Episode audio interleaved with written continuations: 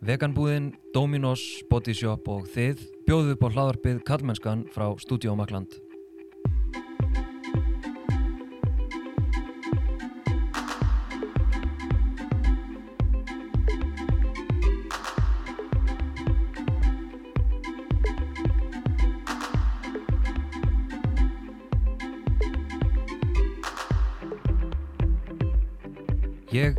Þorstein Maff Einarsson og sé einni um samfélagsmiðlinn Karlmennskan á Instagram og Facebook og karlmennskan.is þar sem þú getur meðal annars gerst bakkjarl þessa hlaðvarps og fræðslumiðlunar á samfélagsmiðlum með mánæðilegri styrtakaraslu.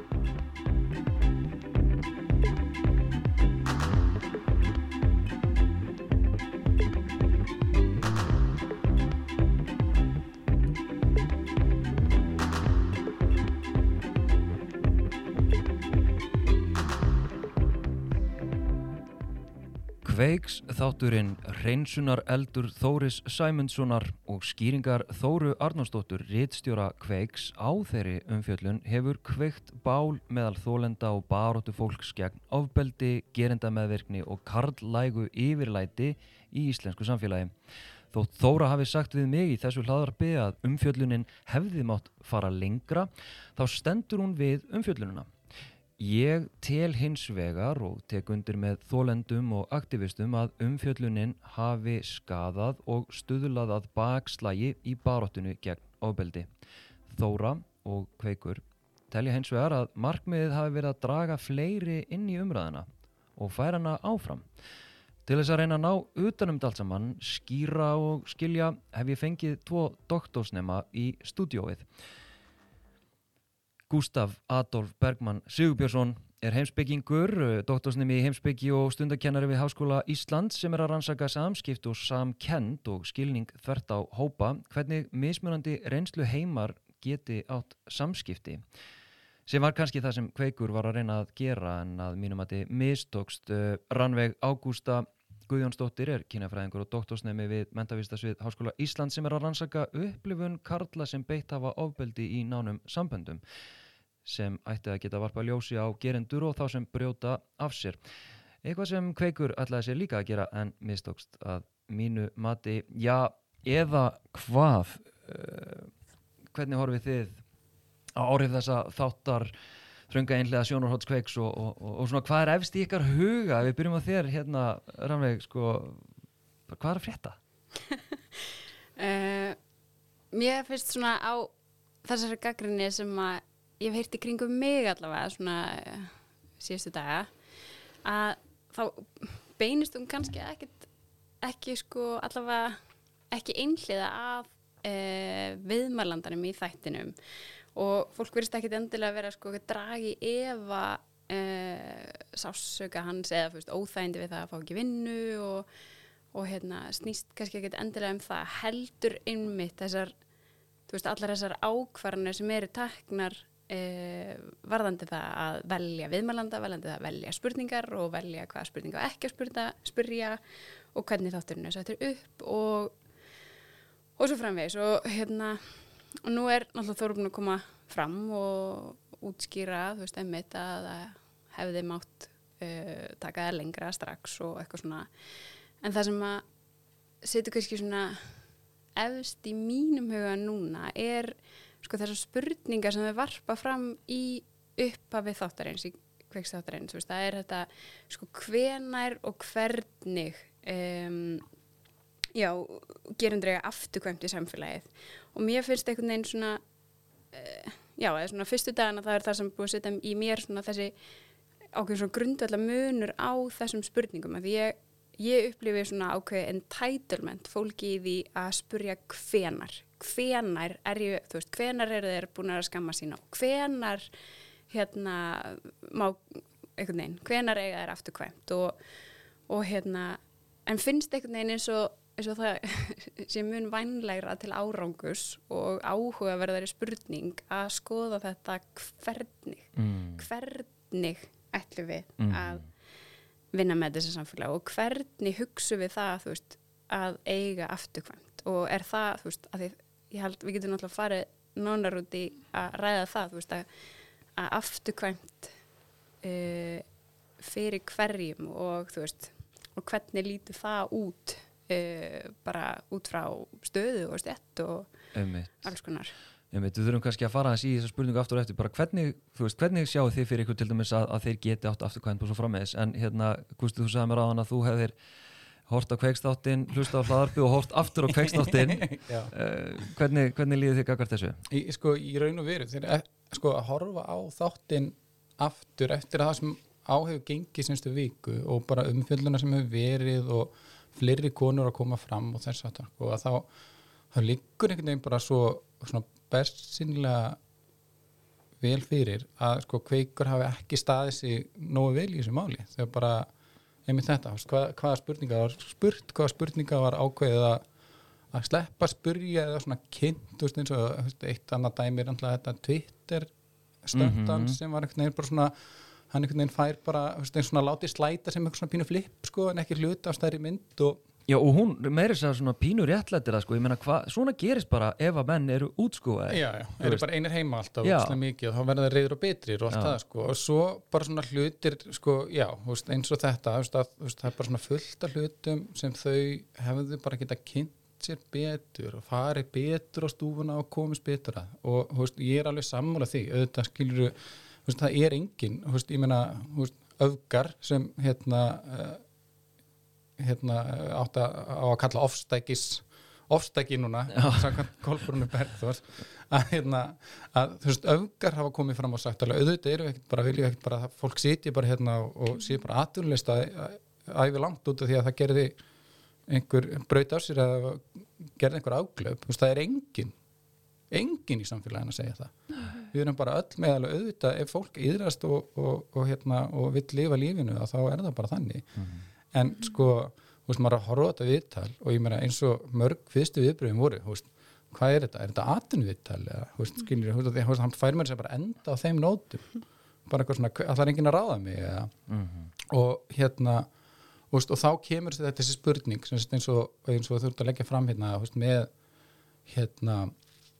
uh, hvenar eiga er afturkvæmt? Og þá kemur þessi spurning sko, hún kom líka í, í kastljósi daginn eftir spurningur um fyrirgefningu og það er alltaf verið svona þú veist, eins og hann sé að byggja um fyrirgefningu þú veist, og þá hvernig hann er að byggja byggjast fyrirgefningar? Því að hann er ekki að tala við þólendur sína. Nei. hann er að tala eitthvað svona almennt við samfélagið, þú veist, eins og þú veist, svona byggja um fyrirgefningu eins og sko Suður Afrika var að byggja um sko fyrirgefningu fyrir eitthvað skilja, þetta er veginn ekki þetta er ekki sambarilegt sko, mm. þetta er veginn ekki gaglegt að tala um. Og þannig líka sko það sem er svo ógislega mikilvægt að halda til haga er að, að veist, að þarna eru við með svona tvent sem skiptir svo miklu máli. Er bæði það að þarna eru þetta um uh, sko reynslu rumverulegra einstaklinga að ræða, veist, þarna eru einstaka brotaþólar og einstaka hérna gerendur, veist, og þeirra persónlega reynsla og sásöki og veist, aðstæður og allt þetta uh, en svo er þetta hluti af kerfislægu sko systemi og hérna og, og þar kemur líka inn í þú veist bakgrunnur og staða og stjætt og, og hérna og það verður að þú veist það er ekki hægt að plokka þetta tventi í sundur. Að þetta er hluti af, af þú veist það er það sem mótar þessa reynslu. Það er bæði þetta kerfislega og stóra en líka þessi persónulega reynsla. Og mér finnst einhvern veginn finnst þessu í þessari umfjöllin núna að þá hefur verið svona tilnæging til að taka uh, já, svona fyrirmynd af því hvernig hefur verið að bregðast við í og á, á að bregðast við í réttakerfinu varandi einhvern svona tímaramma á refsingu og einmitt þessa refsingapælingu verið að taka hana inn í sko samskipti og samfélagsumræði og hérna og það er líka eitthvað sem að svona, já, gengur ekki alveg gengur ekki alveg upp sko Nei. En að því að þú hefur verið að rannsaka gerendur, hérna, eru það gerendur sem hafa þá hlotið dóma? uh, sem að ég er að tala við Já, nei það er allir gangur að því ok. Það er bara, hérna, Og ég meina, mm, ég bara veltaði fyrir mér, að því ég spurði líka Þóra að þessu, sko, er, er dæmið hans Þóri, sko, er það lýsandi fyrir mengi af köllum, eða myndum gerendum, eða gerendum ofbeldis? En ég veltaði fyrir mér, þú veist, hvað sér þú í þínum Já, viðtölum? geggjað. Eru þeir svona sárir og upplifa sér sem fórnalömb og hérna, í þessu klikkaða samfélagi, þú veist, eru þeir þar? Sko það er hérna nokkur hluti sem að mist um mitt áhugavert að pæli þar að því því að þú byrjar að spyrja fyrst um mitt er þetta lýsandi dæmi og þetta finnst mér um mitt sko mjög áhugavert að tala um að því að þessi dæmi sem er búin að vera að koma fram núna undarfarið þetta eru hérna sko eiginlega undartekningar löst ótrúlega valda miklir einstaklingar. Þetta eru sko kallað með svolítið mikið social capital. Þetta eru þú veist frægir einstaklingar. Og hérna og eru í rauninni sko alls ekki lýsandi fyrir þú veist til dæmis þessa hérna gerendu sem ég er að tala við. Og náttúrulega alls ekki fyrir þú veist hérna einhvern veginn allt mengið. Að því að þú veist að því það er líka svo ótrúlega stjættabundi hverjir það eru sem fá þetta rými til að uh, tala þú veist, ofnverlega, Mm. hverjir það eru sem fá, fá plássið um, ó, hvað sagður líka? Ég- sagðirðu- Ég var að velta fyrir mig, þú veist, hérna, við, viðbröðin þeirra, Já. þeir eru að reyna að fóta sig einhvern veginn. Einmitt, og það hérna og það er líka fyrst mér sko mikilvægt að, við svona skoðum þessa, e, þessa hugmynd um hérna, viðmælandin í kveik tala um svona menn en þú veist, það hefur líka verið í fræðanum tala um veist, þessa skrimslavæðingu og, og mér finnst líka áhugavert að skoða bara veist, hugtakið ofbeldismæður veist, það er líka þetta stigma í þýrinni Mm og hérna og það er svo ógæslega flókið og óþægilegt ferli að sko máta það við sjálfsmyndina að vera innan gæslepa svona maður. Mhm. Uh, og það er í rauninni hluti af því sem að þú veist, mínu viðmarlendur eru hluti af sjálfsmyndinni þeirra er, veist, eru þessu óþægindi við að vera að svona, já, máta sig við uh, þessa sjálfsmynd og, og það sem að hérna Æja, því já, eitt hlutið semst af verkefninu mínu, doktorsverkefninu, er að skoða fjölmjöla umfyllinu um feður og ofbeldi í íslensku fjölmjölum og ég tek sérst hérna e, afla gagna á tímabil, eða, veist, frá, tímabilið 2008 til 2018 og byrja á því 2019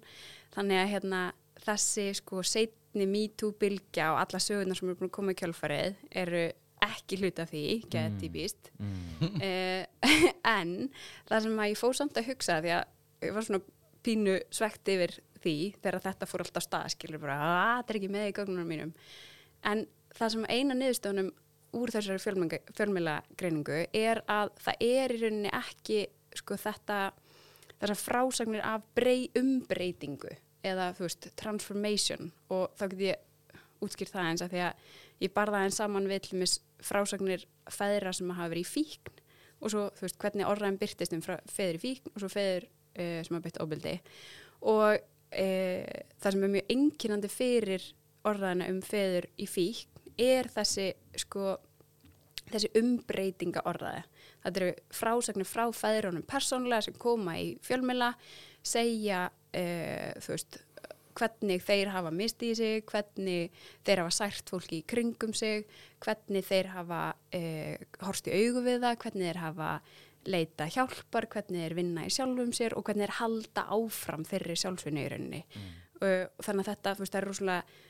ef maður getur sagt svona eh, sterk hefð af þessari, veist, þessari umbreytingasögu eða frásögn sem er engan veginn til staðar varandi fyrir ofbeldi. Og fyrir því eru nokkar ástæður og ein mjög góð ástæður fyrir því er að við erum ekki og höfum ekki verið komin þangað sem samfélag, þú veist, að, að því að það er svo, við erum svo nýfarin að hlusta almennilega á frásagnir brotaþóla þó að það er þetta heyrst mikið lengur Mhm. uh, að við erum svo nýfarin að hlusta og gefa þeim rými að það hefur ekki verið tímabært að fá inn hérna, veist, þessar rattir og í rauninni veist, að, að gefa uh, gerendum þetta rými af því að það er svo við erum svo nýfarin að einhvern veginn Já, í fjölmjölum. í fjölmjölum, Já, já, já, og nú er þetta um fjölmjöla Einmitt. uh, og já, þannig að þú veist þess, þetta, emitt, þetta transformation rými umbreytingarými í fjölmjölum hefur ekki verið til staða fyrir feður og það sem er svo áhugavert að þegar maður horfir á þessar sa- svona sögur sem eru búin að koma núna nýverið í þessari annari bylgu og jáfnvel þriði, um að getur talað um það af þessum frægu munnum uh, að þá er í rauninni ekki þessi frásögn, þessi frásögn af því að taka ábyrð um, sína fram að breytingu, veist þetta, þessar sögur eru í rauninni ekki að koma heldur núna, heldur í rauninni sko, bara í rauninni eru, er að koma aftur og aftur þessi, þessi svona ég er ekki frásögn, veist, það sem að er í rauninni, í rauninni frekar verið að styrkja þessi sko, já þessa ímynd af því að, uh, að fjarlæga sig þessari ímynd af skrimslinu eða svona mönnum eða ofbildismönnum þú veist að, að hérna af því að það er svo óþægilegt, af því að það passar ekki Já, og bara reynlega bara afneita Já. þú veist, það er Já. það sem við höfum Já. séð í fjölmjölum að það koma fram ásakanir Mhm. og svo jafnvel gangast menn sjálfur inn í inn, hérna, hvað segir maður hérna, svifta hulunni af nafnlindinni sjálfur Mhm. oftast, Já. svona undanfarið uh, og hafna ofbildinu Mhm. og jafnvel sko stefna þeim sem að hafa talað um, um sig Já, já. En það sem er áhugavert eins og núna sérstaklega veist, og hefur náttúrulega sko, stundum komið fram er að menn gangast jafnvel við einstaka brotum en hafna sko, sjálfsmyndin eða veist, hafna því samt að vera í þessum flokk að þeir Já. geta kannski tekið hluta af, þú veist, jú, ég gerði nú svona veist, þannig að þeir eru í rauninni gangast við ákunnum brotum en er samt í mun að vera ekki hluti af þessu sko ofbeldismanna e, þessum flokk. Já, en fá líka svona að stýra sko hvernig, þú veist, fá bæðir að velja hvaða brot þeir við kenna, Já, en fá líka stýra umræðinu um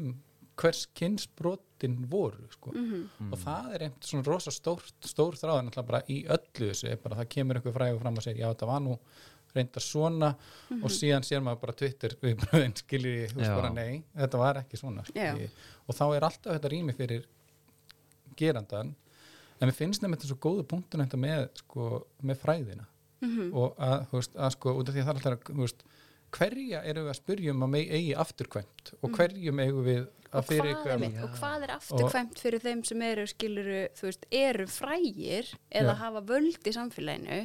hvað er að vera afturkvæmt fyrir þeim er það að fá sömu völd eða er Já. það að fá sama sviðsljós sömu giggin Já, einmitt. Já. Eða er, þú veist, erum við að tala um afturkvæmt, sko, já, bara fá að vera, þú veist, bara til. Mm. Og eitt sem að, einmitt áhugavert dæmi sem ég heyrði, af sko því að, um, að yngri kynslóður og og það er að koma upp dæmi af því að, um, að, yng, veist, að það komi upp ásakanir eða yngri gerendur séu í rauninni sjálfur að stíga til hliðar af því þeir fatta að þú veist, ég hef ekki heimi þessu spotlæti ef við komum upp einhver ásökun skilur, ég hef ekki heimi hér en þeir eru ekki í sko, þú veist, þeir eru ekki með þetta þessi sömu um, þessi fræð og frama skilur Mhm. og komast þess vegna ekki í kannski sviðsljósið en það eru dæmi um að e, gerendur sé að taka þú veist, í rauninni ábyrða þessu leiti en, en við heyrum ekki sko þessar sögur. Og það er ekki, þú veist já, við erum, já. Einmitt, og, og Þóra náttúrulega lýsir því hvernig hún var að reyna að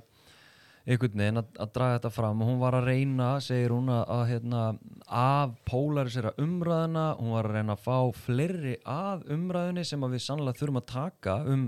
hérna, eins, eins og þú segir sko ekki hvenar heldur hvernig mm Mhm. gerendur og myndi gerendur geta að koma tilbaka inn í samfélagið.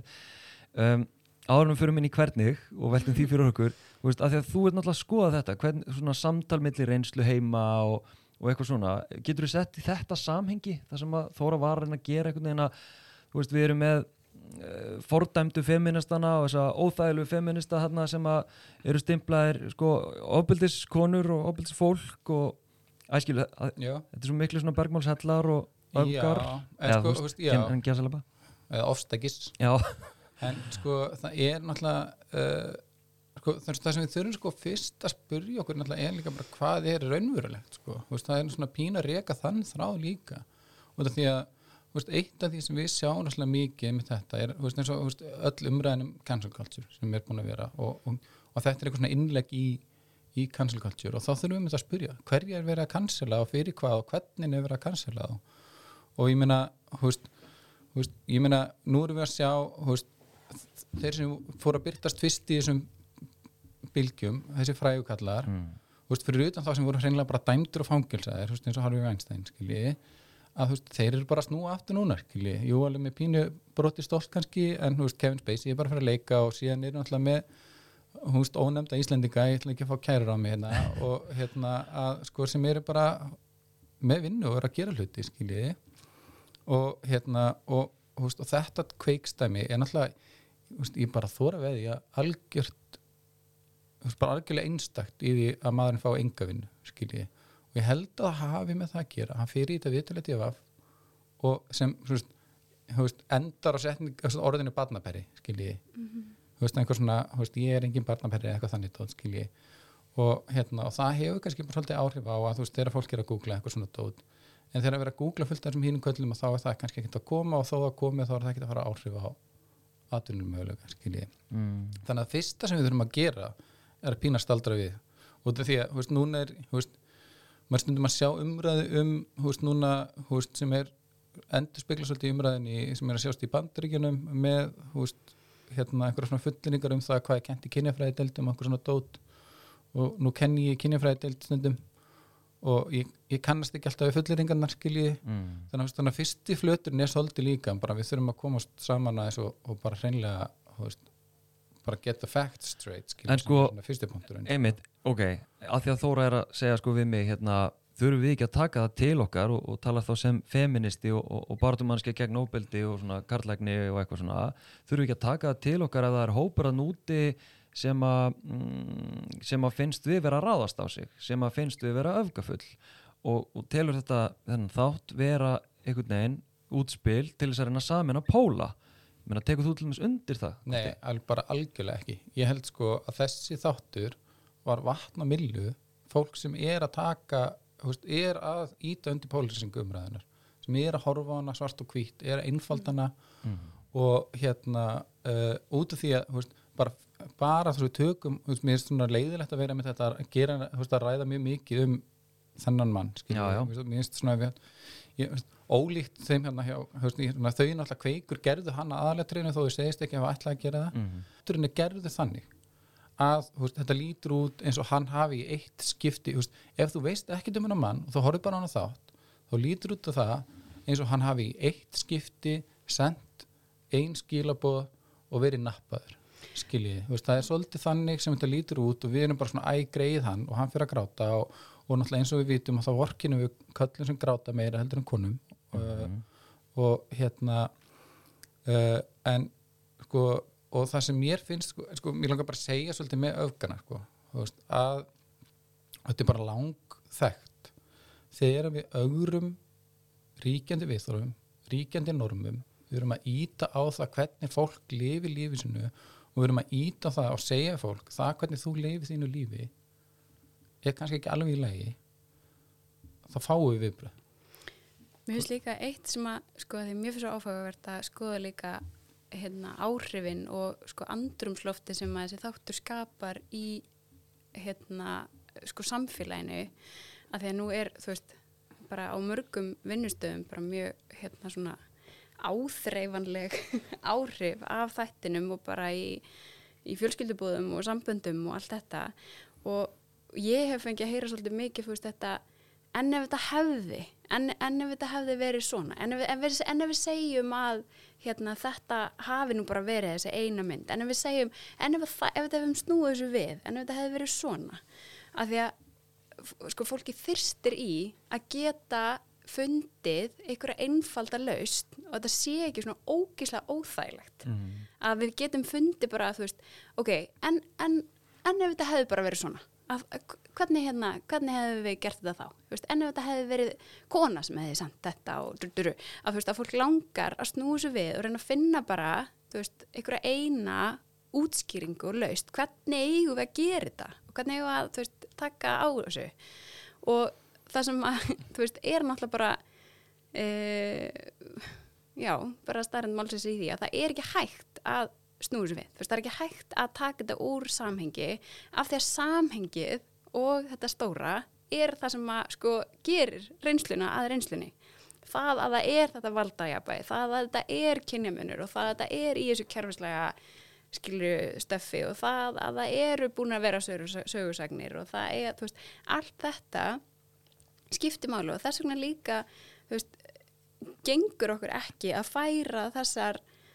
sko þessi áhrif úr réttakjörfinu þessa fyrirmynd af hérna bara þú veist svona þessi einfalda lausn og þessi refsing og þetta. Okkur gengur ekki að, að færa það yfir í samskiptinni í samfélagsumræðinni. Veist af því að þar gengur ekkit óbúslega vel að taka þessar heildamindir og þessi valda misræmi og skilju að við erum ekki kannski almennilega að ná að gera það í réttakjörfinu alltaf. Og, og það verður að fá að vera hluta af samtalenu mm. og, það, veist, og þess vegna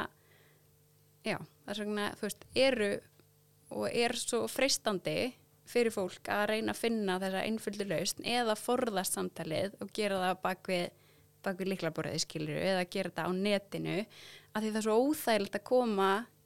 og mæta þú veist, einhverjum sem er náinn þér og þú ert kannski berðið eitthvað tröst til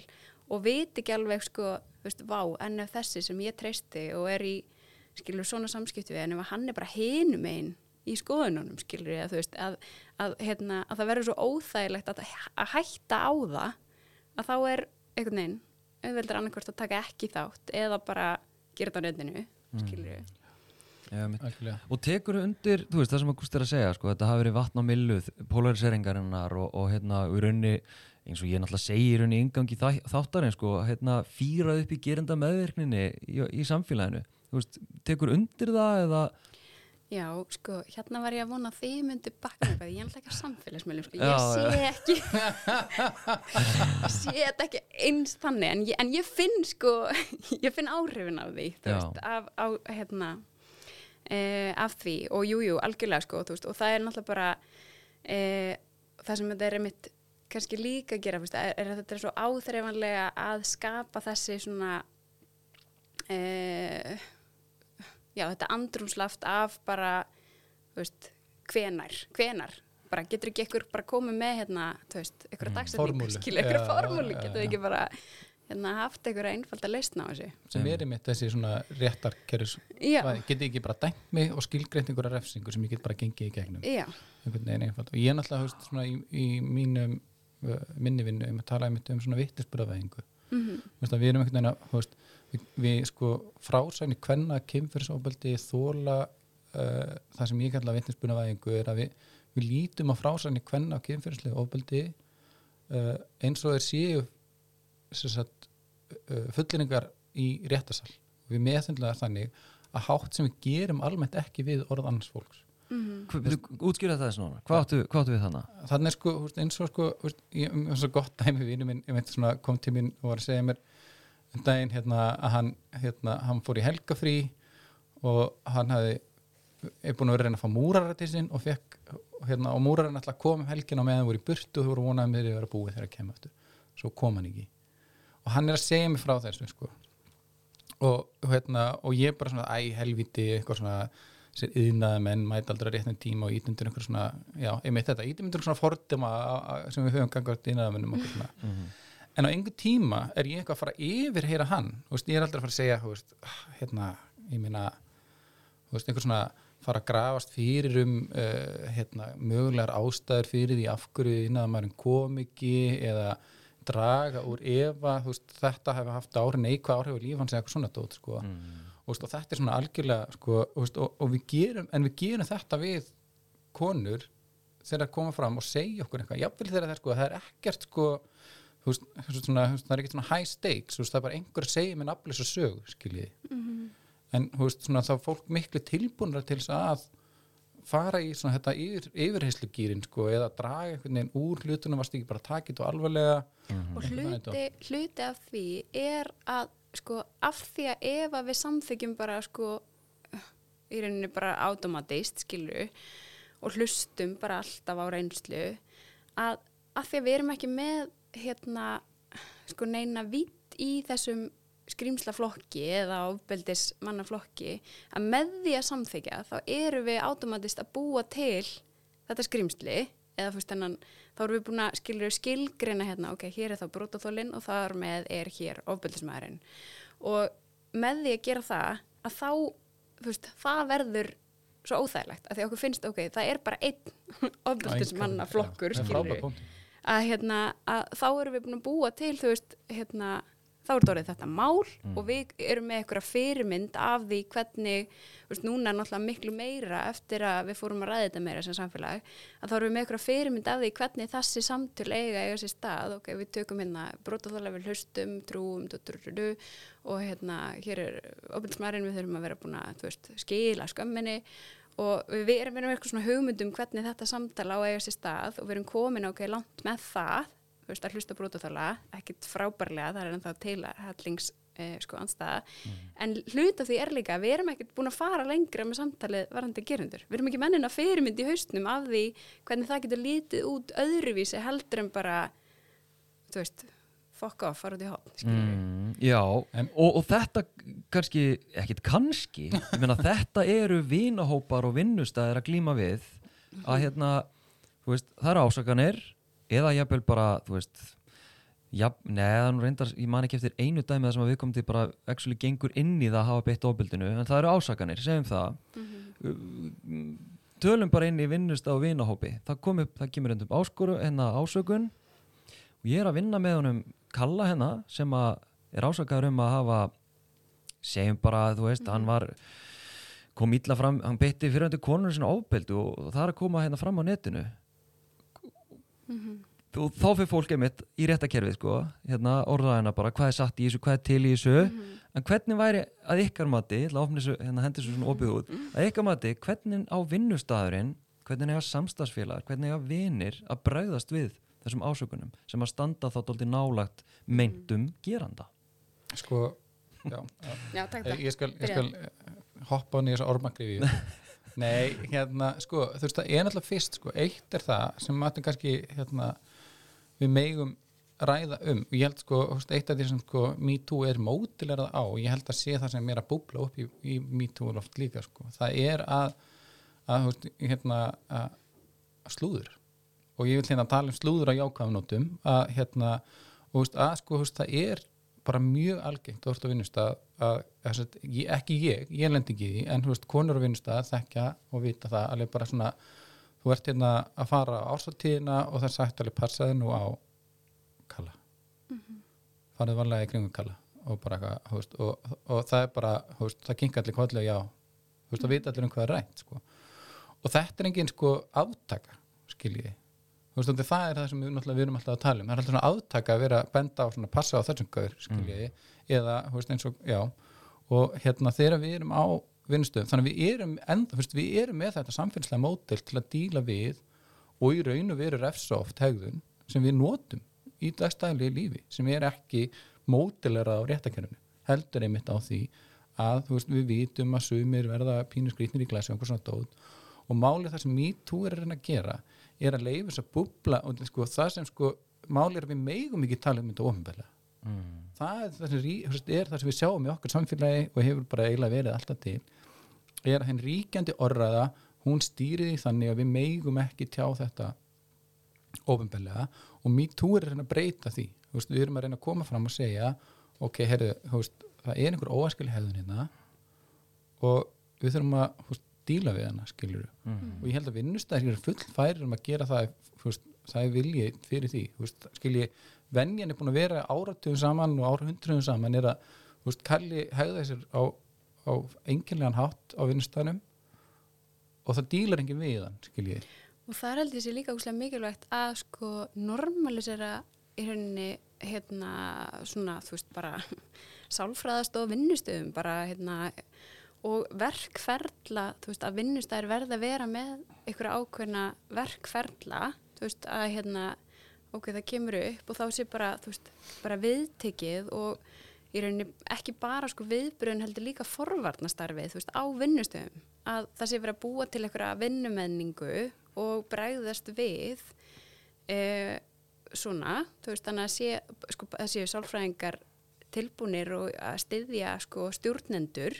og að það sé, þú veist, að sé ekki það svaka stigma, það sé bara krísa og allt á hliðinu og verður bara annarkvort að reka og þú veist, bara du, du, du, skilju, að, hérna, að það sé hægt auðvitað þetta misast eftir brotum, skilju, en að það sé einhvern veginn eðlilegri hluti af uh, vinnumenningu að vera að fyrirbyggja að þetta komi upp og vi, taka á því strax Já. að séu þú veist þessi verkverðlar og við erum kannski, veist, í þessu samingi því sem ég er að spyrja ykkur um þetta, hvernig ég var að díla við þessa myndu gerindur, þá kannski er ég að tala um í svona þessum brotum þar sem er farið yfir þessa siðfyrirslínu, sem að kannski Mhm. varðar ekki yfir réttakerfið, sem við ætlum ekki að kæra Mhm. að hérna, veist, við kunnum ekki einu svona að díla við það, finnst mér Nei, bara hérna, hvernig, hvernig á vinahópurinn, ég meina ok, við höfum hlustað á þólendur og heyrt það að það er ótrúlega mikilvægt að, að, hérna, að þólandin sko þurfi ekki að víkja úr vinahópnum, Einmitt. að hann fá að vera og þá þessi myndi gerandi, hann víkjur í minu Mhm. ok, en svo erum við kannski með einhverja sem við bara kalla vinahópa eða eitthvað, þú veist sem að ég bara gef mér að, að það eru margir menn þarna og stráka sem eru bara eitthvað ok, shit maður, það er, við erum búin að heyra allar þessar sögur hérna um hérna einn vinn okkar hvað er að gera? Mhm. Erum við eitthvað tekin í það? Hvað, hvað, hvernig á að nálgast svona? ég held að það sé mjög erfitt að segja einhvað almennt sko. Mm. þú veist, um svona, þú veist, þetta er en þú veist, þetta er með þetta þetta er eitthvað svona ef þeir eru ekki þeim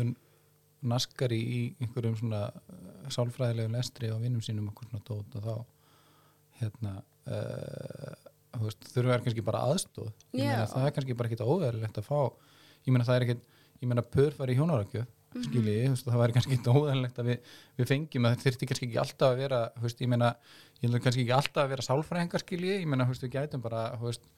bara, það er verið einhverjar, einhver mótel á rákjafa sem stígur inn í svona og díla við einhverja dýnamík Mhm. inn, í, inn í einhvernum hóp Mm. og hérna, en síðan er það náttúrulega líka bara að, einmitt þetta, skilur við, við erum náttúrulega þannig, náttúrulega, ef þetta er, þú veist, ef þetta þetta er vinahópur og þetta er kannski æsku vinir, þetta er einhver sem þið ekki gífulega mikið væntum, Mhm. sem er að haga sér svona illa, að það þarft að stíga inn í og segja, hérna, mér þykir væntu þig, en þú voru að hætta þér, skilur veist, það er ekkert, þú veist, mér finnst einhvern veginn ekkert, þú veist, við þurfum einhvern veginn að, En trendið er samt frekar sko, þessi varnarmekanismi Mhm. bara það, það getur nú ekki verið Já. að þessi hafi Við ekki verið væntu þig og þess vegna getur það ekki Já, eitthvað þannig. já, já, nákvæmlega. Mhm. Þannig að hvernig komast við yfir það? og það er líka hluti af því og þar, þú veist, sko, í þessu og bara í lífinu almennt og í samskiptum og samtölum og samböndum almennt þá þurfum við einhvern veginn að æfa okkur í að sjá sko uh, sjá í rauninni einmitt beyond þú veist, þessara polariseringu að hlutinni geta verið uh, samhliða veist, það geta, verið, það geta verið til á sama tíma. Það geta verið til á sama tíma tvær reynslur og það eru ekkit endilega eins. Og það geta verið til á sama tíma sko ólíkar tilfinningar og tókstreitur og allt þetta að þú veist, eins og núna náttúrulega er hluti af verkefninu mín líka er að sko, þú veist, hvernig börn upplifa feður sem hafa beitt ábeldi, skilur við, þú veist, og, og ég meina, þetta getur verið fárálega flókna tilfinningar. Og, og það þýðir ekkert, þú veist, að þær sé ekki, skilur þú veist, að ein sé réttar en önnur, þetta er bara, veist, þetta er bara flókið og alls konar. Og það er líka þannig, þú veist, auðvitað fyrir eins og brotaþólar hafa oft líst, skilur að þú veist, það er flókið og þess vegna er skrimslafengin skadaleg fyrir alla, hún er skadaleg fyrir gerendurnar að því að þeir, einmitt, þú veist, þetta útilokar og ítir út í hotn og það læri engin eitt einn. Þú veist, það er bara, því miður það er bara mjög hæpið að þú fáir einhverja frábæra uppljómun og sjáur samfélagi í heldrannu samhengi eitthvað reytundi hotni það þarf að gerast í einhverju samtali og samhengi e, við annað fólk. Og um, já, og brótaþólar náttúrulega bara, eh, þú veist, hafa líst í að þetta sko dregur líka úr þeirra reynslu, allar allar allar þessar gráu, öll þessi gráu svæði í reynslu, veist, það er verið að gera lítið úr þeim með skrimslafæðinguna, því við erum einhverja hugmynd af alvöru óbildi, alvöru nöðgun, alvöru skiliru áreitni og, og þá dregur þetta úr vilja þeirra alltaf tjá sig þegar það er eitt þessi hugmynd. Og eins náttúrulega varandi skiliru börn sem er, þú veist, hafa búið óbildi, að þú veist, að þá er svo flókið að setja saman þessar tvær myndir, skilur, getur veist, þessi ríkjandi ímynd af fe- virkum feðrum í íslensku samfélagi, skilur, og svo myndina veist, það bara eitthvað neginn fer rosa illa saman. frábæð punktur. en ég, þú veist, líka, mér finnst líka samt annars sem, sem er í þessu, kannski sem við getum gert, sko, meira sér þau okkur sem ekki beita ofbeldi, er að, sko, sko, stunda sjálfskoðun í því að læra að þekka hvernig, sko, við svona skiptum um persónuleika með við aðstæður. Ég held Já, að við hefum alveg mjög, það væri mjög holdt fyrir okkur að rækta það, að átta sig á því að, þú veist, í þessum hérna aðstæðum er ég alltaf óksla, þú veist, með þessu fólki er alltaf óksla alvarlegur að tala um pólitík. Og með þessu þarna fólki er alltaf óslega flippaður að, að, að grínast. Mm. og að sko, veist, að hafa allir þessar vittir. Og, þú veist, og eina af þessum vittum hjá fólki getur að mitt verið manneska sem beitir ofbeldi. Mm. þrátt verið að hann sé, veist ógislega blíð og góð að öðru leiti, og það er mitt þetta, það er þessi frasi þegar maður heyrir, en hann er svo þú veist, hann hefur alltaf verið svo góður og blíður og, og virðingaverður við mig, og það, það nefnilega ítir undir líka veist, hérna, þessi, þessi fjölmjölegreining mín á færum öfbildi það ítir undir þessa ímynd af sko, hérna, menn sem farandi fölsku flaggi, skilur, veist, sem Já. eru með þessa ímynd sem er svona og svona en svo í raunveruleikanum, þú veist, Já. eru þeir skilur, skrýmisli undir niðri eitthvað Já. svona, þú veist, að menn sé með svona einhver svona deviant töfalda persónuleika, skilur, sem er heldur í raunin, ekkert raunin. Nei, að, hérna, já, eða, þú veist, eða svona einfaldari mynd. úl- Úlfur í. Einmitt. en sko að því ég er alltaf að tengja þess við Þóru og Kveik sko, að hérna, það, mér minnir að hún hafi spurt mig hérna, þú veist, tengt þessar afpóluseringu og, og hérna, styrlu gerindameðurkninni og, og hérna, himpathíunni og allt þetta þú veist, hvernig fáum við einhvern veginn alla um borð og, og hérna, og hvernig fáum við einmitt kallana sem að veginn hafi ekki hérna reynslu heim að, að sjá eða, eða skilja í rauninni óttan og ógnina og ofbeldi sem konur og já, þess að fólk býr við. Og hérna, ég held að ég hef sagt við erum bara meiri rótækni, við erum bara stærri byltingar ég held bara því miður að við þurfum það. Og, og ég held stundum í alvörunni að ef við ætlum að fara lengra að þá bara þurfum við að veist, að hérna, taka undir næstu rótæku byltingu að því að annars held ég að þeir séu bara að fara að velja sig frá þessu Mhm. hvernig, hvernig horfið þið á þetta? Ég, sko, ég hérna, sorry að Já, það en hérna að sko það sem ég um, horfa á ísu skilur er að við erum einhvern veginn alltaf að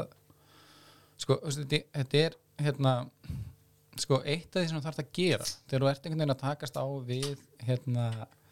uh, reynslu heim sem er mjög fjarrri eða mjög ólíkur að þá, þú veist, þeir, vantar stundum svona hikið. Þeir vantar stundum svona pína staldra við. Og, og vandamálið er sko við okkur kvítu kallmennina er að það er alltaf einhvern veginn, þú veist, hætti, okkur hætti til að sjá hlutin alltaf mjög svona augljósa. Út af því við mætum svo sjaldan og höfum svo sjaldan mætt mótlæti. Og hérna svona eitt svona hugdag sem ég held mikið upp á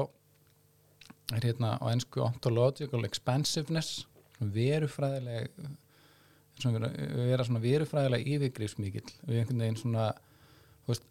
eitt svona dæmi sem þetta byrtist er í svona er hvernig hvít fólk í bandaríkjunum finnst að þau eigi að vera velkomin í öllum rýmum. Já, já, skilji, þú veist, hvernig þú veist, hvíta mannskjan kemur inn í hispanic, hérna latínó, veit, hérna uh, búðina og verður fyrir einhverjum aukkotum og finnst það einhvern veginn svona vera þeim að kenna en ekki að hún hafi einhvern veginn kannski verið að sagt, fara inn í rými þar sem fólkið vildi fá að vera löst við hvíta fólki, skilji mm. og, og við gerum þetta líka í hugsunarkerfunum okkar sko. mm. einhvern veginn vörpum fram þegar við erum að reyna að skilja reynslu hvenna þá einhvern veginn vörpum við fram okkar eigin kategórium til þess að reyna að fanga reynsluna og þá fáum við svörin svo þetta skiljur hérna þú veist, ég meina, þú veist, kona segist að hafa orðið fyrir einhverju káfi þá segir kallinn, þú veist, okkur íttur hann ekki bara frá þér? Mm -hmm. íttur hann ekki bara frá þér? Þú veist, þú færið þessi viðbyrð hvað hann myndi gera ef hann væri kall í sum já. skilji, en ekki að ná að fanga svona, þú veist, í raun og veru fjölbreytni reynslu hverna og til þess að ná því sorry að vera hérna.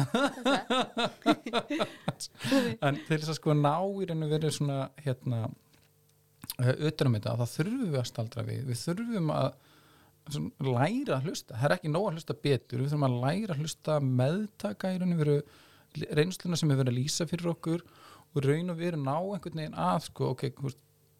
eins og þetta, hvað er að vera berskjaldaður í einhverjum aðstæðum mm. og maður veginn að ná að sitja með þeirri tilfinningu og átta sig á því að þetta er óþægilegt, þetta er vond og það er vond fyrir mm. þólendur að sjá gerendur í sjónvarpinu skiljið, Mér finnst það mjög góð punktur að þið líka sko einmitt þetta með að læra að staldra við, þú veist, að því að hluti af því sem kemur líka fram uh, í gagnunum mínum er, veist, er þetta með að sko hvernig það er alið upp í körlum í íslensku samfélagi að veist, eða þessi sko þetta viðhorf að verða að vera maðurinn með svörin, skilur að verða að vera einhvern veginn bara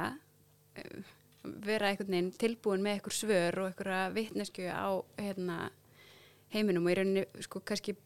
upplifa þannig að allar samræður og veist, allar spurningar séu til þess fallnara að, veist, að þeir eigi að svara þeim og þeir eigi að vera tilbúinir með svarið og lausnina skilur og ég held líka að þess vegna emitt, sé, sé hluti af, veist, af þessu hérna, þessum viðbrum sem ég hef heyrt, veist, NF, NF og að finna þessa innfylgdi lausn. Er þetta að, að fólk eru sig í þessari stöðu að eiga að geta bara að svara þessu og leist þetta bara, þú veist, þannig að við þurfum ekki vera að ræða þetta endalaust Já, og aftur skilur þú veist, að hérna, en já, en það er bara þarf að gera það aftur og þarf að æfa sig Mhm. og læra Já. þetta ég mynd sko ég, er svona, já, guilty, guilty as charged hérna. en þú veist það er einmitt sko ég er búin að vera að kenna í nokkur ár og, og, og það er einmitt eitt svona lærtómsríkasta í því ferli öllu er einmitt að, að náast aldrei við fá spurningi sem, sem þú kannt ekki svarið og reyna ekki að búlsitta það út í skiljuru mm mm. það er ótrúlega þú veist, og ég held að sko, það sé eitt af því sko, hotlasta sem maður þú veist, einhvern veginn þegar maður nær þeim stað að svona, að ok, -hmm. ok nú ætla ég aðeins að sitja hjá. Mm ég ætla að lega konunni hérna kannski að, að segja eitthvað þú veist, um sín eigin reynslu eða þú veist, Einmitt. og, já, og einn af, af viðmaldunum mínu til dæmis veist, og, og margir er svona að tala inn í það að, að hluti af því svona ástæðinu fyrir því að þeir fara að réttlæta þú veist, réttlæta er einu ofbeldi eða afsaka eða útskýra eða eitthvað svo leiðis er þú veist að þeir hvað ætlar að gera annars? Að það er svo sjúklega óþægileg tilfinning þú veist, ef þú ætlar ekki að fara að réttlæta eða útskýra eða eitthvað neginn fyrir sjálfinu og fyrir öðrum að þá setur eftir með sko tilfinninguna því veist fíblar ég? Þú veist, að það er svo ógíslega óþægilegt að þá verður einhvern veginn svona við talum bara næst í náttúrlegt þú veist, bara að, hérna, að grípa í að fara í einhverja réttlætingu að Mhm. við hitt er svo sjúklega óþægilegt og það er svolítið það sem verður líka veist, ef við horfum sko,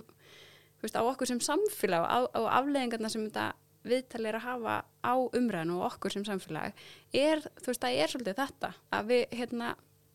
við erum að reyna að grípa í einhverjar, easy lausnir að það hitt er svo sjúklega óþægilegt já, að dvelja svona í óþægendunum og óvissunni og, Já, og bara vanmættinum vá, við vitum ekki alveg, við erum ekki komin lengra Nei. við vitum ekki alveg hvernig og við ætlum að já, gera bara þetta ég segja bara ég, ég skil ekki alveg, stundum Já. þurfum við bara að geta sagt ég skil ekki alveg Einmitt. En sko, verðum að ná þeirri spurningu ánum fyrir að hérna, setja punktin á þetta uh, það er þetta með sko, hvernig uh, Mm. Meintir gerendur og gerendur já, gerendur uh, þeir sem að fara yfir siðfyrirlega mörg verið ekki leikreglu samfélagsins sem að við erum að, að kannski að einhverju leiti að draga skýrt fram eða, eða bara við höfum bara alltaf hort fram hjá þeim það er eftir hvernig við lítum á það sko. Um, hvernig að sko að gerum við gerendur ábyrga þú veist, færum ábyrgina þangar sem hún er heima og hvernig um, geta axla þess ábyrgð Má ég byrja, einmitt, við stöldum þess við bara í ábyrðinni Mm. af því að það er líka eitthvað sem að fólk hefur mjög ólígan skilning á og mér finnst sko hafa komið uh, bara vel fram og er áhugavert að skoða sko út frá þessum setni bylgjum, veist, þetta með ábyrðina og brotaþólar, þú veist, hafa ekki, ég hef ekki séð það á Twitter en ég hef heyrt af því á Twitter, þú veist að, að hérna, að þú veist að það hefur verið, sko, kallið eftir þessu að ábyrð fælst ekki endilega í því að koma fram ofnbarlega, ábyrð fælst ekki endilega í því að byggjast afsökunar einu sinni, ábyrð fælst í því nummer eitt, að gangast við því að hafa beitt ofbildi, nummer tvö að gera eitthvað í því, skilur og, og þar er ekkert endilega veist, þar er ekkert endilega allir uh, gerendur sammála og ekki allir veist, í samfélaginu sammála. Veist, ég vissum að mörgir upplifa það að hann hafi bara vissulega tekið ábyrð með því menn hann kom fram með það ofnbörlega skilur en hérna en svo er spurningin með, fyrir hverjum fyrir hverjum er þetta að taka ábyrð er þú veist, upplifa, upplifa brótaþólinir eða að segja fyrir að taka ábyrð uh, upplifir hann að sé að taka ábyrð upplifir þóran sé að taka- ábyrð það eru svo margar ólíkir ólíkir vinklar á því sem að við þurfum að ræða alls konar óþægilega uh, já og hvað spurur hitt? hvenar? hvernig? mm, ég, hvern, hvernig við látum það að taka ábyrgð sko, eða þú veist, Já. bara svona setjum það bara hérna, herðu þú skalt, Einmitt. eins og ég upplýði pínu setni bylgjum í tú, það var bara herðu, þú skalt taka ábyrðina hérna þú veist, þetta er ekki mitt. Og svo það í rauninni eftir það hvernig ætlar að fara að því. Mhm. Þú veist, þannig að hérna mögulega er setni bylgjan og þessar bylgi sem koma eftir að skapa þessa pressu sem að í rauninni andstæðu pólarnir allan mínir bergmálsællar á, á Facebook og, og Twitter eru, þetta eru bara andstæðir pólar. Á Facebook sé ég rosa mikið hérna svona þess að gerinda meðverkni og svona herðu við erum nú, þetta er nú alltaf að fara hérna í ruggli hérna við erum alltaf mikið að tala um ábeldi og hérna greið gerindundnir og eitthvað svona og meðan á Twitter er bara eitthvað það fucking samfélag hérna er í, í rugglinu og við komumst ekkert áfram Ég held þannig sko, já, að ég bara tala um algoritmana sko. Að, þú sért bara ekki mun að rækta Facebooki nú, sko, ég held að Hva, hvað áttu við? Viltu meina að Facebook sé Nei, nei, bara, ég, held að sé bara mjög ólíkt eftir, því að ekki alveg sambarlegt en mjög svona þetta er ekki alveg eins en mjög sambarleg viðbröð mm. báðum einn allan að það sem byrtist mér á mínu samfélagsmiðlum og hérna, þannig að ég var mjög hissa en ég held að sé líka brótið því að það er mjög það er mjög afmörku búbla sem lifir á íslenska Twitter sem er náttúrulega mjög skemmtileg búbla en hún er alveg mjög klálega mjög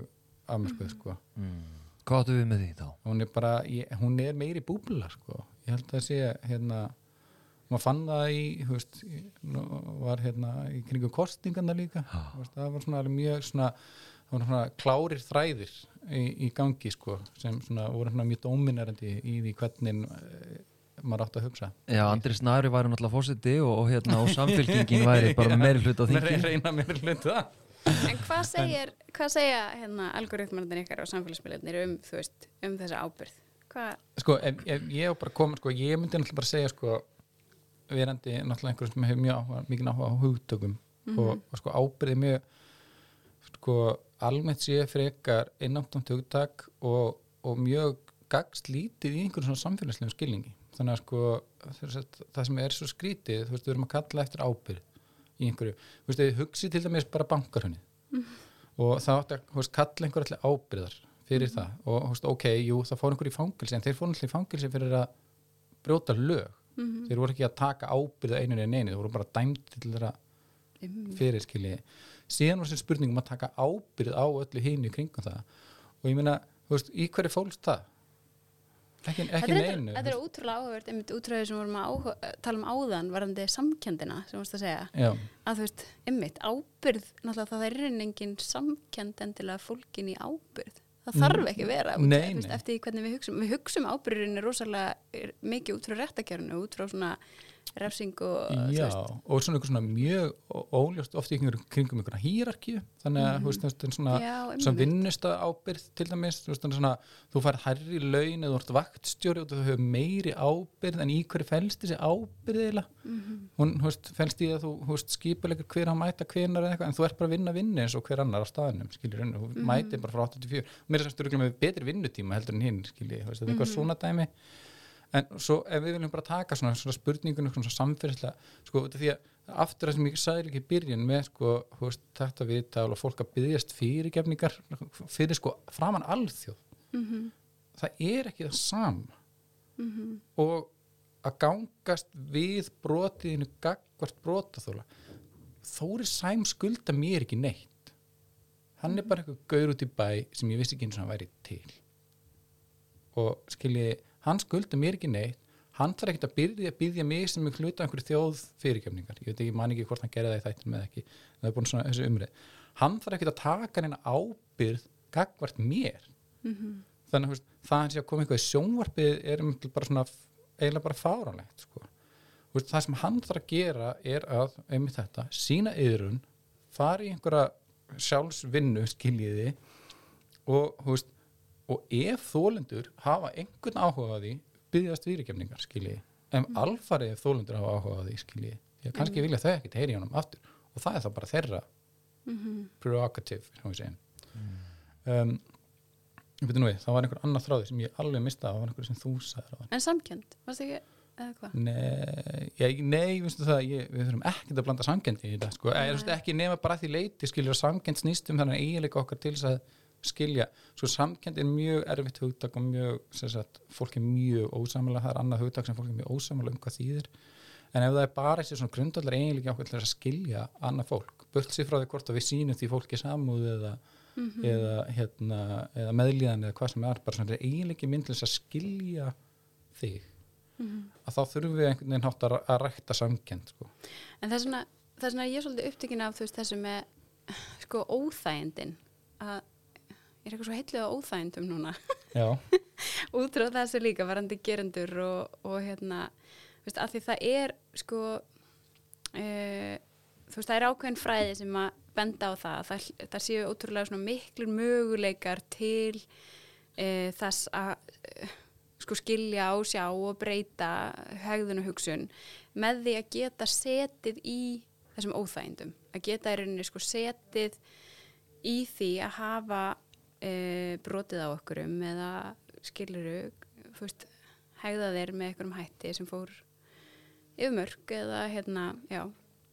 bara hreinlega breyta fólki. Og ef þú getur sko séð það og setið í óþægjandanum að þú veist, án þess að ætla er að íta því burtu eða þú veist, réttlæta eða þú hendur þínar af því eða einmitt byggjast fyrirsikefningar og þú veist, láta kyrtis liggja einhvern veginn, að þá eru ákveðnir, þú veist, það gerist ekki sjálfkrafa en það eru ákveðnir möguleikar til þess að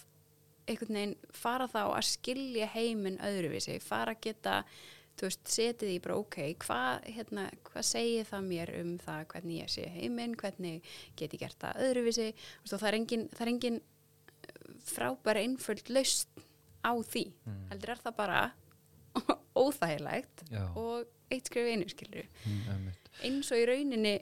þú veist, feminismin er náttúrulega þú veist, hann er hann er frekar óþægilegur oft Mm. og Já. það er einmitt þetta sem, sem við erum að sko, ég myndi að tala um áðan sko, að skora á það sem okkur finnst eðlilegt Mhm. að, þú veist, þú veist, svo maður nota hérna hins eginn orðanfórum þess að skjöna í raun og veru hvernig lífið og samfélagið er þú veist, og það er það sem við erum að gera við erum að reyna að skjöna, við erum að segja ok, það hvernig við gerum hlutina núna er ekki Mhm. í lægi og það skapar óþægindi. Þú veist, það er alltaf þú veist bara það er sko óhjákvæmlega fylgifiskur þess að breiða út af vananum er að upplifa einhver óþægindi Já, einmitt. Sko að því við byrjum þetta í rauninni á, á hérna, umfyllum kveiks og svona í rauninni mm, hvernig umfjöllunin fýrað upp í gerindameðverkninni og var í rauninni eins og sumir hafa líst, hafa líst sem hlandblöð tuska í, í þólendur og svona.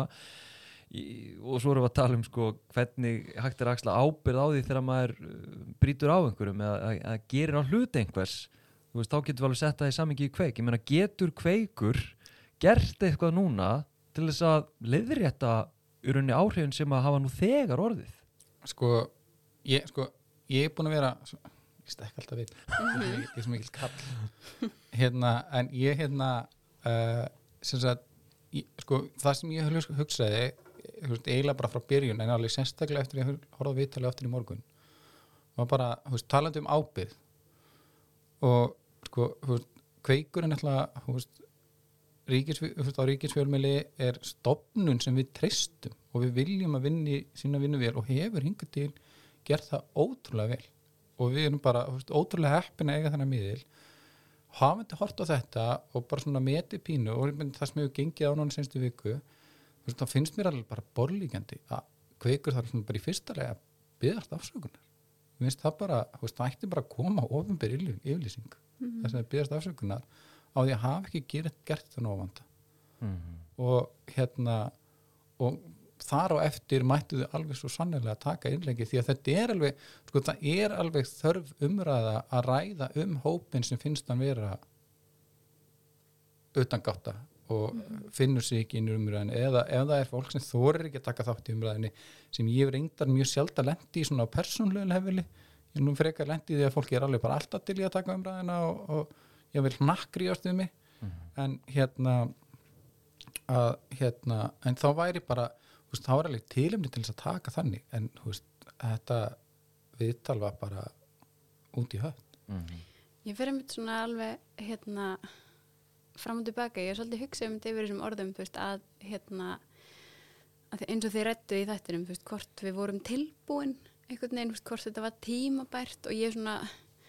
einmitt, að því að mér finnst í þessu samingi, einmitt, eh, brotaþólar ekki hafa haft þetta rými kannski lengi að, hérna, þú veist, að það hafi verið mikilvægt að ganga einhvern veginn með það sem einhvern, einhvern svona input sko, veist, rými, passar það rými. Eh, að því sögðu að það, veist, er þetta komið upp og það er að koma upp alls konar einmitt polarisering og hlutir í orðaðinni og þar fer ég svolítið fram og tilbaka yfir að þú veist þessa þörf sem ég, ég skil alveg að vissu leiti, veist, að fjölmjölar þeir vilja grípa einhvern veginn gæsina og bara, veist, allir, þetta snýst alltaf með einhvern svona hraða í einhverju keppni við samfélagsmiðlan alltaf um einhver klikk og veist, það er allir að vera gámum með fréttina helst í gæra því annars þetta er bara nú seitt og einhvern veginn. Og, og ég, jú, ég skil alveg svolítið að við erum að reyna kannski að ná þessari hugsun og meðan hún er sem mest í gangi og eitthvað svona. En svo líka það að að þú veist, einmitt, þetta þarf kannski ekki að gerast allt í gær, þú veist, þetta er líka þetta er alveg samtal sem mála að halda áfram þetta er ekkert búið þó að þú veist einhvern veginn, hérna það er svona fenni aðeins yfir það í fjölmjölum skilur, veist, að það er alveg hægt að eiga og mikilvægt að eiga þetta samfél samtal áfram og líka með útfræði sem hún tala fyrst að, að við séum þá að vera með í rauninni kannski séum vonandi að byrja að skapa eitthvað fleiri fyrirmyndir af því hvernig er hægt að eiga þessi samtöl Mhm. veist, um gerendur og svona, já. Og hvaða þætti Þú, við þú þurfum að verður að fara með steina í, í, hérna, í framhalskóluna og, og vinnustæðina og allt það. Já, Það- að það verið mjög gott innleg. þannig að þú í rauninni hérna, Rannveig uh, telur þennan þátt ekki hafa verið jafn skadlega nú kannski eins og Ágúst er að segja? Jú, jú, ég ger það sko. Ég er bara svona ég, algjörlega sko. Ég, hérna, ég er samt að reyna að sjá þú veist e, sjá möguleikana í því Já, líka svona í framhaldinu bara Já, Já. Og ég held að það sé alveg rétt sko, þú veist að, eða veist, þetta er it is what it is, Mm. eins og ég segja Mm. og við ættum alveg að já, að þa að það sem nefnilega er eitt, eitt sem er kannski sko ágætt við þetta dæmi sko versus önnur dæmi svipu sem eru búin að koma núna fram þar sem hefur verið kannski ef maður getur sagt, þú veist augljóslegar grófari brot, þú veist, það sem hefur verið kannski bara nöðgun eða hérna, þess áttar brot, að þá er svo, þú veist, það, er, það verður einhvern veginn auðveldara að uh, kaffæra þá umræðu í skrimslavæðingunni, þú veist, það er svo auðveld að afskrifa, þú veist, nöðgun bara burt með þetta, skilur, mm. veist, þarf ekki eins og að taka þetta lengra, að hérna, eh, þú veist, en af því að þetta er þessi, þú veist, að- að- alls konar sem fellur á milli einhvern veginn í lagaramanum, að hérna, að þá er veist, og þá sér maður líka með þessi, þessa tilhæðingu til að fara í NEF, NEF mm. og, og þá er hægt að heiga kannski sko öðruvísi samtöl sem við myndum ekki leif okkur ef, þú veist, Já, ef þetta væri inn í réttakerfinu þá Já. Já, já, Já. ég skil